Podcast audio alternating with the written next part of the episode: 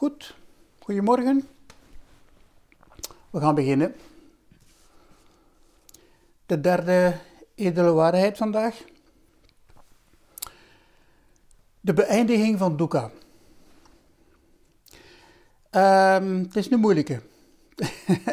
ik kan het nu al zeggen. Ik heb er een beetje mee geworsteld. Het lijkt allemaal nogal simpel, maar um, het, is, een interessant iets en we moeten dat uh, zeker uh, verdiepen, iedereen voor zich uh, in onze eigen beoefening, omdat het niet zo evident is als het lijkt. Ja, Boeddha zegt oké, het is gedaan met dukkha. Of nee, er is een mogelijkheid tot de, tot de beëindiging van dukkha. Maar het is nu moeilijk. Oké, het is moeilijk omdat we uh, verstrikt geraakt in de woorden, in de beschrijving, als we dat proberen te vatten. En het is precies dat dat we moeten vermijden, dat is die beweging, die beweging van het willen grijpen, het willen begrijpen van, van alles. Maar goed, laten we dan beginnen gewoon met um, wat zegt hij letterlijk in de sutra. Wat zijn zijn woorden? Dus in de, in de Samyutta Nikaya, hoofdstuk uh, 4, 56, ja, hoofdstuk 56, 11. Het in beweging zetten van het rad van de leer.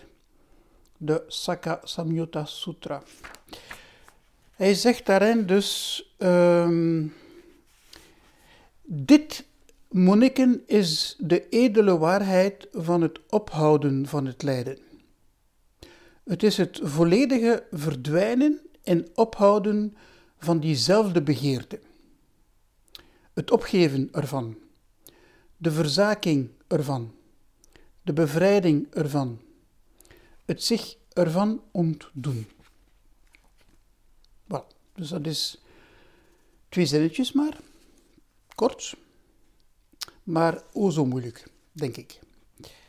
Dus het gaat natuurlijk over het lijden, dus de tweede uh, edele waarheid die we voor de week hebben gezien, en die de oorzaak is van dukkha, de begeerte, de dorst, de neiging, is eigenlijk de oorzaak. Dat hebben we gezien. En je kunt dukkha doen verdwijnen, van zodra je inderdaad de begeerte doet ophouden, doet verdwijnen, helemaal opgeeft, een verzaking daarvan, een bevrijding ervan, zich ervan ontdoen. Dat is de woorden die de Boeddha gebruikt. Het is eigenlijk pure logica, als je het zo bekijkt. Eigenlijk doet mij dat denken aan dat fameuze vers van uh, de samenvatting van heel de theorie van het voorwaardelijk ontstaan. Wanneer de Boeddha zegt, wanneer dit er is, is er ook dat. Van het ontstaan van dit komt het ontstaan van dat. Wanneer dit er niet is, is dat er ook niet. Van het beëindigen van dit komt de beëindiging van dat. Ja? Waarbij je natuurlijk dit en dat elke keer moet ja, vervangen. En in, in ons geval, in ons geval uh, met begeerte en lijden. Dus dat is eigenlijk aan de ene kant iets heel logisch. Hè? Weer al, de, de, de Boeddha functioneert, uh, handelt hier als een soort therapeut, als een soort dokter. En die zegt, voilà, als dat er niet zal zijn, als de begeerte er niet zal zijn, dan zal er ook geen dukkha niet meer zijn.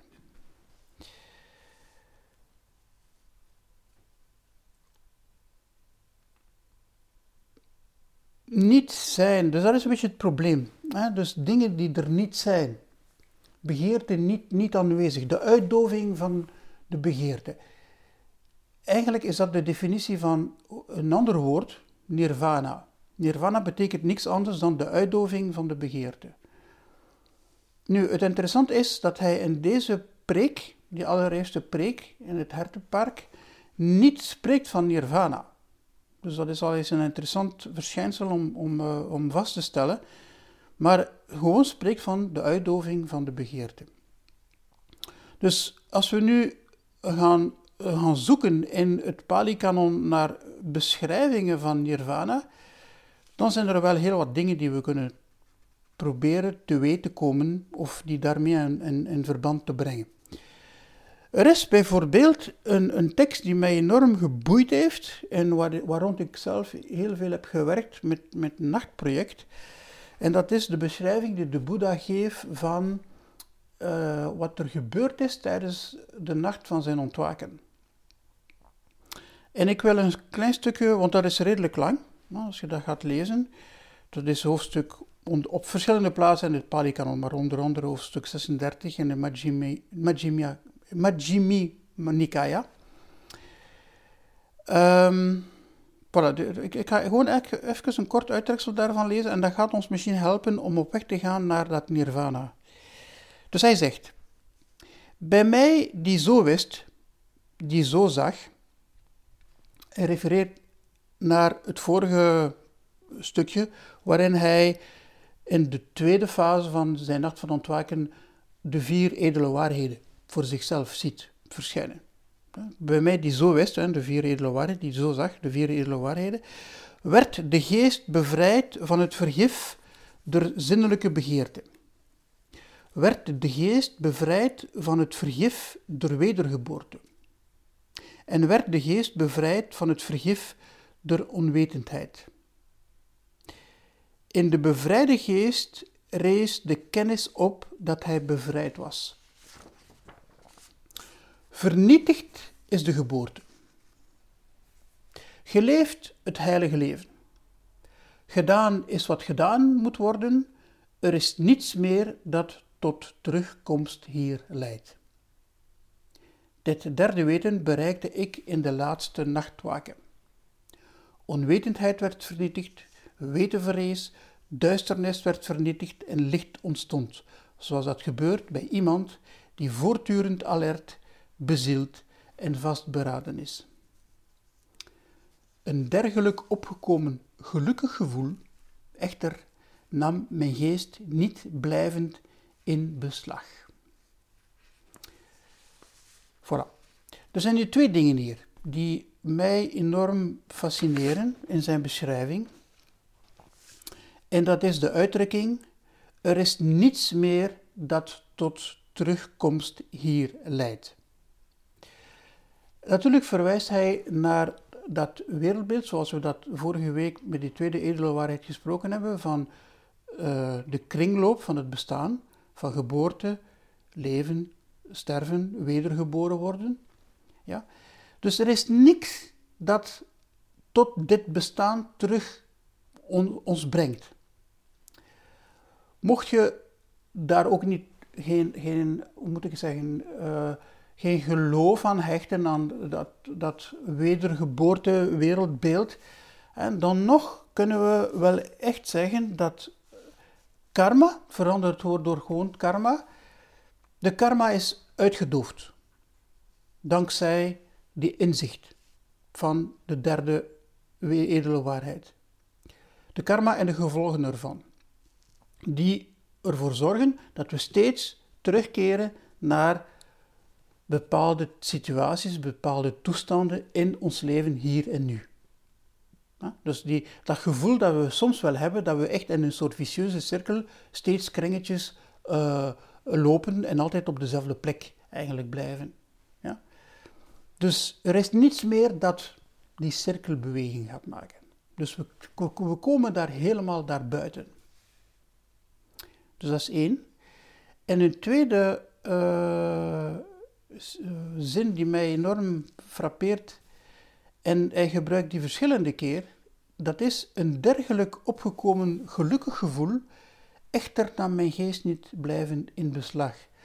Dat zegt hij verschillende keer tijdens heel dat, die beschrijving van zijn nacht van ontwaken. En dat is een interessant iets. Het, het is nooit geen.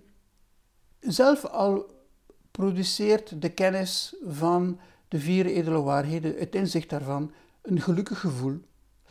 Zelf al produceert uh, de rust en de kalmte van zijn meditatie, het inzicht tot het ophouden van dukkha, en, en dat er voor een gelukkig eh, gevoel zorgt, toch blijft hij daar niet in steken.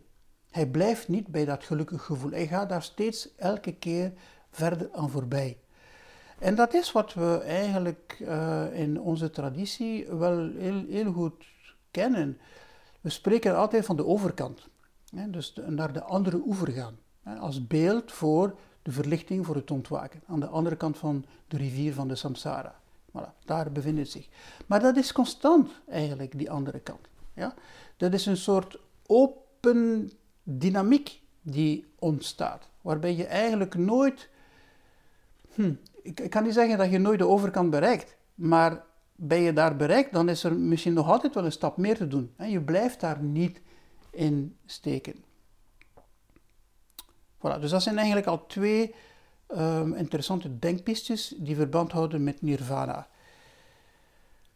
Er zijn nog andere beschrijvingen. En ik haal er een paar uit uit uh, de vertaling van Jan de Breed. Uh,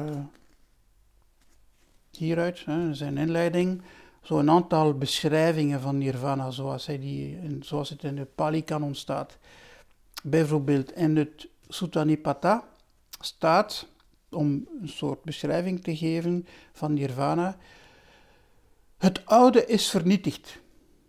Er is geen nieuw ontstaan. Dat is weer hetzelfde idee. Wie er geest vrij is van verlangen naar toekomstig bestaan, zij hebben de zaden voor wedergeboorte vernietigd en kennen geen verlangen naar groei meer. De wijzen doven uit als deze lamp. Dus weer het idee, er is iets dat uitdooft. Iets dat stopt. Er is anders in de Dhammapada, een heel bekende sutra in versen, dus eigenlijk een soort gedicht, wordt er gezegd, als je je stem niet meer laat horen, als een stuk geslagen bronzen gong, dan heb je nirvana bereikt. Onthoud dat. Want dat is wel een belangrijke. Als je, niet, als je je stem niet meer laat horen, als je niet meer praat met woorden. Het is een, het is een, een, gong, hè? je kent al wel een gong, kapotgeslagen, kan niet meer klinken. Dan heb je nirvana bereikt. Een andere, ook in de Dhammapada, een mooie vind ik. Schep de boot leeg, o monnik. Leeg geschept zal zij lichter varen. Als je hartstocht en haat afgesneden hebt, zul je daarna naar nirvana gaan. Voilà, dat zijn zo een paar pogingen om te beschrijven waar, waar nirvana eigenlijk over gaat. Maar zodra we dat doen, en de Boeddha doet dat, die, gaat, die heeft die woorden uitgesproken, dan zitten we een, een beetje met een probleem dat we ons daar een soort voorstelling van proberen te maken.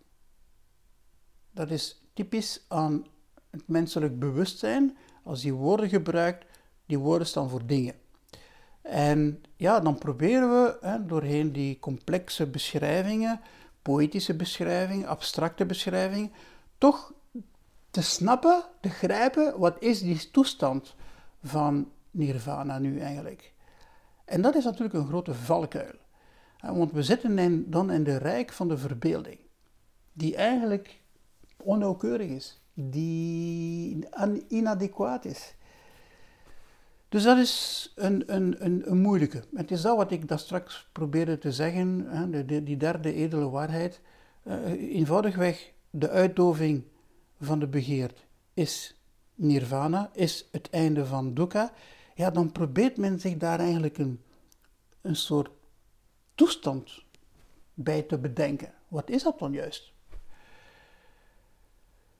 En dat is precies geen toestand. Dat is niet iets dat gecreëerd wordt. Nog zazen, nog het lezen van sutras, nog eender welke andere techniek, nog denken en piekeren, brengt u tot nirvana. Dat is belangrijk om dat goed te begrijpen. Ik vond dat terug ook bij een andere schrijver die een beetje een, klassieker is, Walpola Rahula, wat de Boeddha onderwees. Ik raad jullie dat trouwens heel sterk aan, omdat hij, het is al een oud boek, hè, het dateert van de jaren van de jaren 1974. Um, het, is, het is echt eh, een, een heel mooie synthese. Het is niet zo heel dik, hè. we zijn 100, 150 pagina's amper. Voilà. Over, en, en hij zegt hier iets heel interessants over. Had even, ik weet dat ik veel citeer vandaag, maar ja, zo is dat dan. Hè. het zijn niet meer woorden, dat is niet erg. Het is onjuist om te denken dat nirvana het natuurlijk gevolg is van het opheffen van begeerte. Nirvana is niet het resultaat van wat dan ook. Dat is een heel belangrijk. Wanneer het een resultaat zou zijn, dan zou het een gevolg zijn dat door een oorzaak ontstaat. Het zou geproduceerd, tussen aanhalingstekens zijn, en afhankelijk van omstandigheden, tussen aanhalingstekens. En dat is het natuurlijk niet, want dat is daaraan voorbij. Het is, da het is voorbij oorzaak, het is voorbij ehm, de, de, de, de, de, de, de context. Voilà, je gaat verder. Maar nirvana is nog oorzaak, nog gevolg. Het is, voilà, hier, het is voorbij oorzaak of gevolg. Nirvana is. Punt. Voilà. Het is dat in hoofdletter geschreven. Het enige dat je kunt doen is het te zien, het te verwezenlijken. Ik zou zeggen het te beoefenen. Er is een pad dat leidt naar de verwezenlijking van nirvana, maar nirvana is niet het resultaat van dit pad. En ik gebruik een heel mooi beeld. Je kunt bij een berg komen via een pad, maar de berg is niet het resultaat van het pad. Je kunt een licht zien, maar het licht is niet het gevolg van jouw ogen. Vind ik echt een, een, een hele mooie. En um, want we draaien heel veel de zaken om. We herleiden heel veel zaken tot, tot onszelf, tot ons denken, tot onze perceptie. Terwijl dat het eigenlijk buiten ons moet gezocht worden.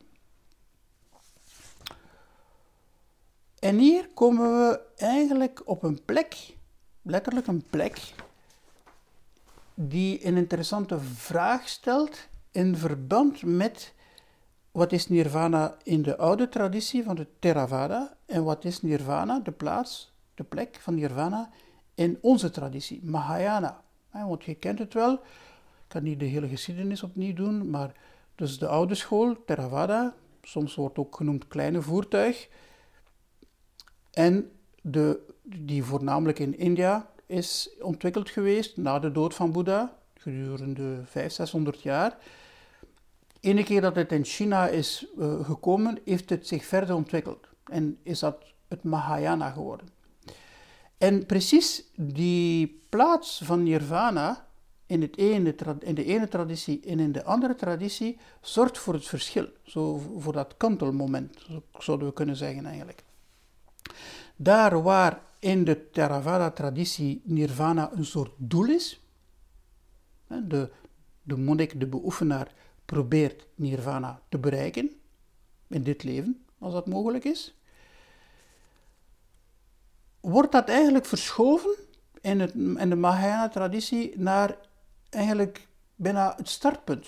Je vertrekt van nirvana om iets anders te doen. En dat is het ideaal van de bodhisattva.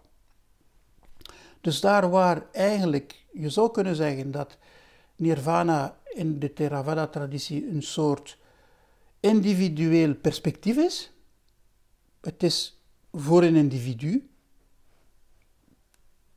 daarvoor gezorgd dat hij nirvana bereikt.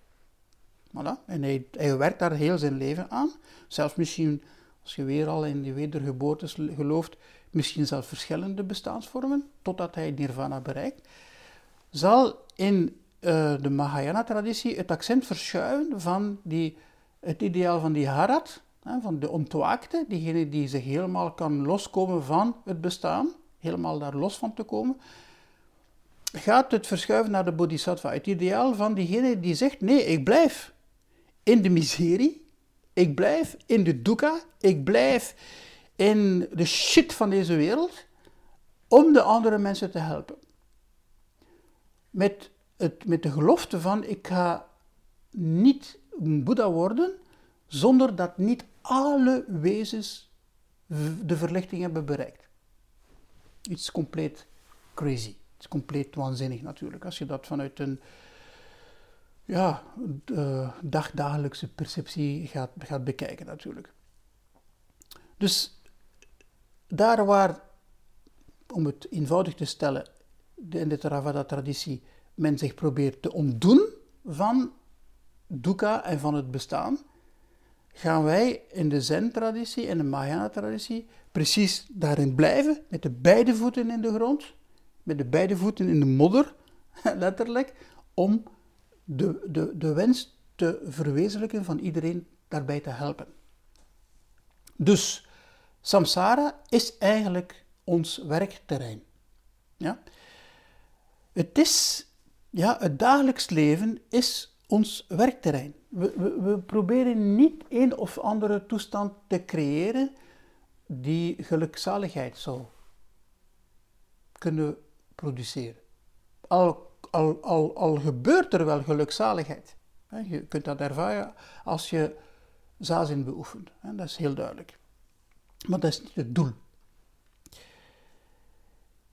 Dus het leven zoals die is, ruw, rauw, moeilijk, uh, geconditioneerd, beperkt, uh, onbestendig, zonder substantie, zonder vaste substantie, zonder zelf, wel, dat is ons werkterrein.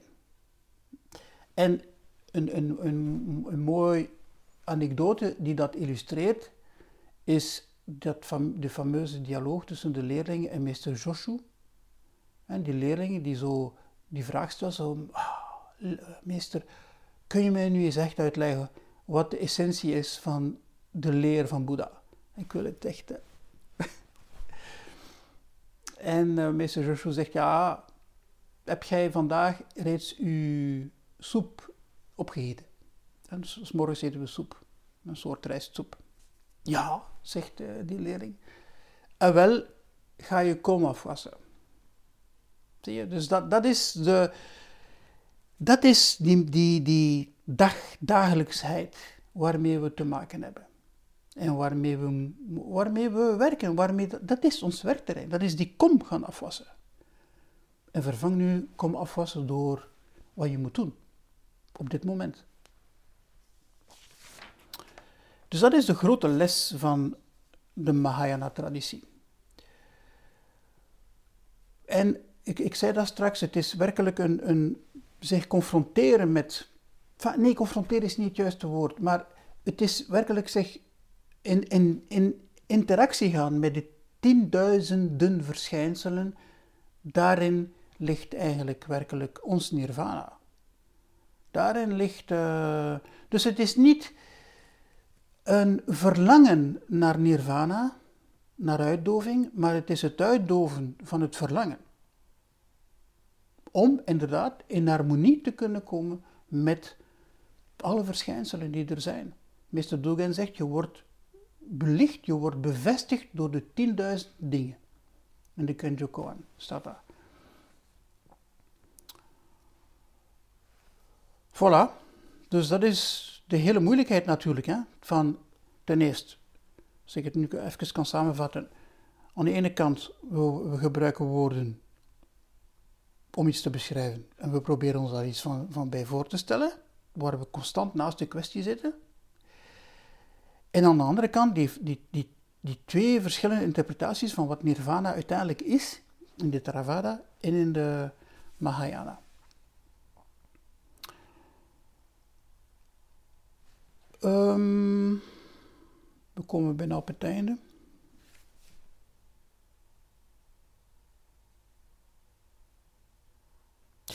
Ja.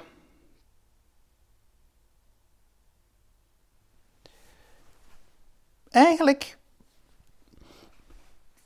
zou je kunnen zeggen dat met de beoefening, met Zazen dus, als we daar echt terug, want we moeten daar altijd naar teruggaan, naar de ervaring van Zazen, wat gebeurt er eigenlijk in Zazen met mij, met mijn geest, ehm, moeten we wel zeggen dat enerzijds verandert er niks. De wereld blijft zoals die is. Dukkha blijft daar. Dat gaat niet weg. We gaan ons daar niet aan kunnen ontsnappen. En aan de andere kant verandert daar alles. Door onze manier van kijken. Door onze blik op de dingen. En daarover gaat het eigenlijk. Het is die switch die we moeten maken. Van die zazen maakt. Die zorgt dat we in het nirvana terechtkomen. Is die, die andere blik op de zaken. Dus we moeten ons niet te hard, hoe zou ik zeggen, um, hechten weer al hè, vanuit het verlangen om dat nirvana te bereiken. Het gebeurt. Het gebeurt. Alleen maar wees waakzaam wanneer het gebeurt, van daar bewust van te zijn.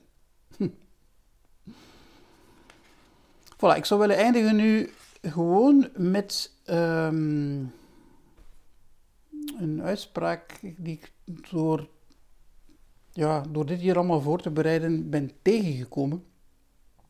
En dat is een zin uit Nagarjuna. Dat is een Indische monnik, tweede, derde eeuw van onze jaartelling in India. Dus.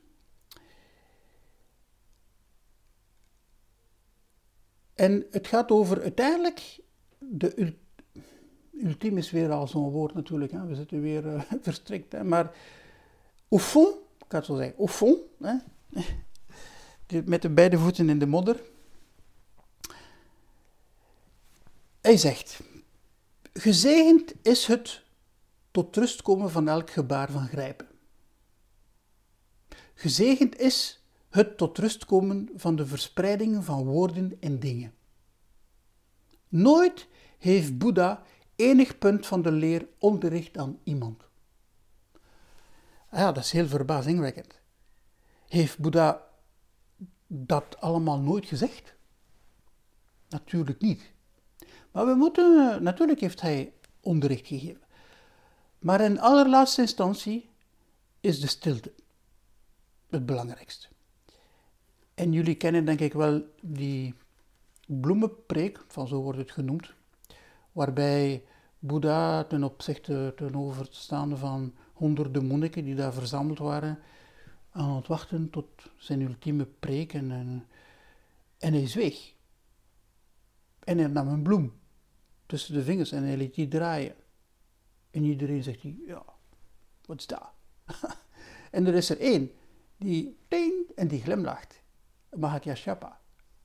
En dan zegt de Boeddha, de leer, uh, ik heb het oog van de ware leer en nu is die overgedragen aan Mahakyashyapa. Dus dat moment is wel belangrijk. Hè? Dus de stilte. Hè? Dus op een gegeven moment moeten we stoppen met te praten. En zal ik ook stoppen met praten nu. Hè? Moeten we terugkeren naar de stilte van Zazen. De stilte van het, van het nemen van een bloem, van het kijken naar de bloem, van het kijken naar de dingen, van bevestigd te worden door de dingen in stilte. Daar moeten we naartoe gaan. En daar zullen we de bevrijding vinden van dukkha. En ja, de uitdoving zal gebeuren van de begeerte. Voilà, een, een laatste zin dan. Vele zinnen om te zeggen dat we tot, tot stilte moeten komen. Maar bon, zegt wel iets. Lankavatara Sutra, een bekende Mahayana Sutra van zijn ontwaken, dus van de Boeddha, van zijn ontwaken tot aan zijn totale uitdoving, heeft de Tathagata, dus de Boeddha, geen enkel woord uitgesproken. Nog zal hij er nog uitspreken. Niet spreken is het enige spreken van Boeddha.